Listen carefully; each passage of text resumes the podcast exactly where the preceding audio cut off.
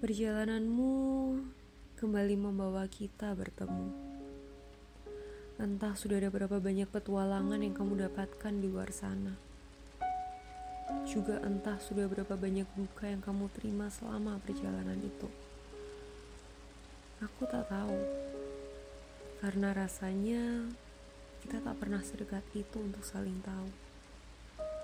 Tetapi yang pasti, kita kembali berada pada satu buku yang sama.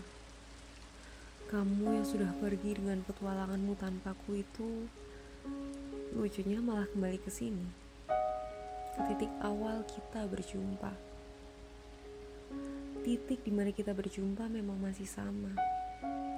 Bedanya adalah kamu sudah bertumbuh menjadi sosok yang lebih hebat, lebih tangguh, lebih dewasa berbeda denganku yang masih begini-begini saja.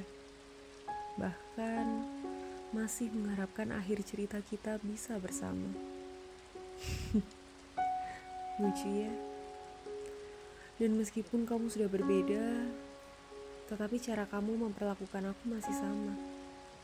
Aku yang awalnya mengira sudah baik-baik saja tanpamu, ternyata menjadi semakin tidak baik-baik saja diri ini semakin keras berbisik bahwa kamu adalah jawaban dari doa-doaku selama ini.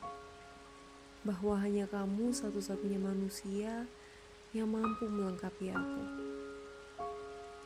Tetapi sayangnya, itu semua akan terlalu egois bagiku untuk memilikimu. Karena aku tak mampu melengkapi bagian apa pun dari dirimu.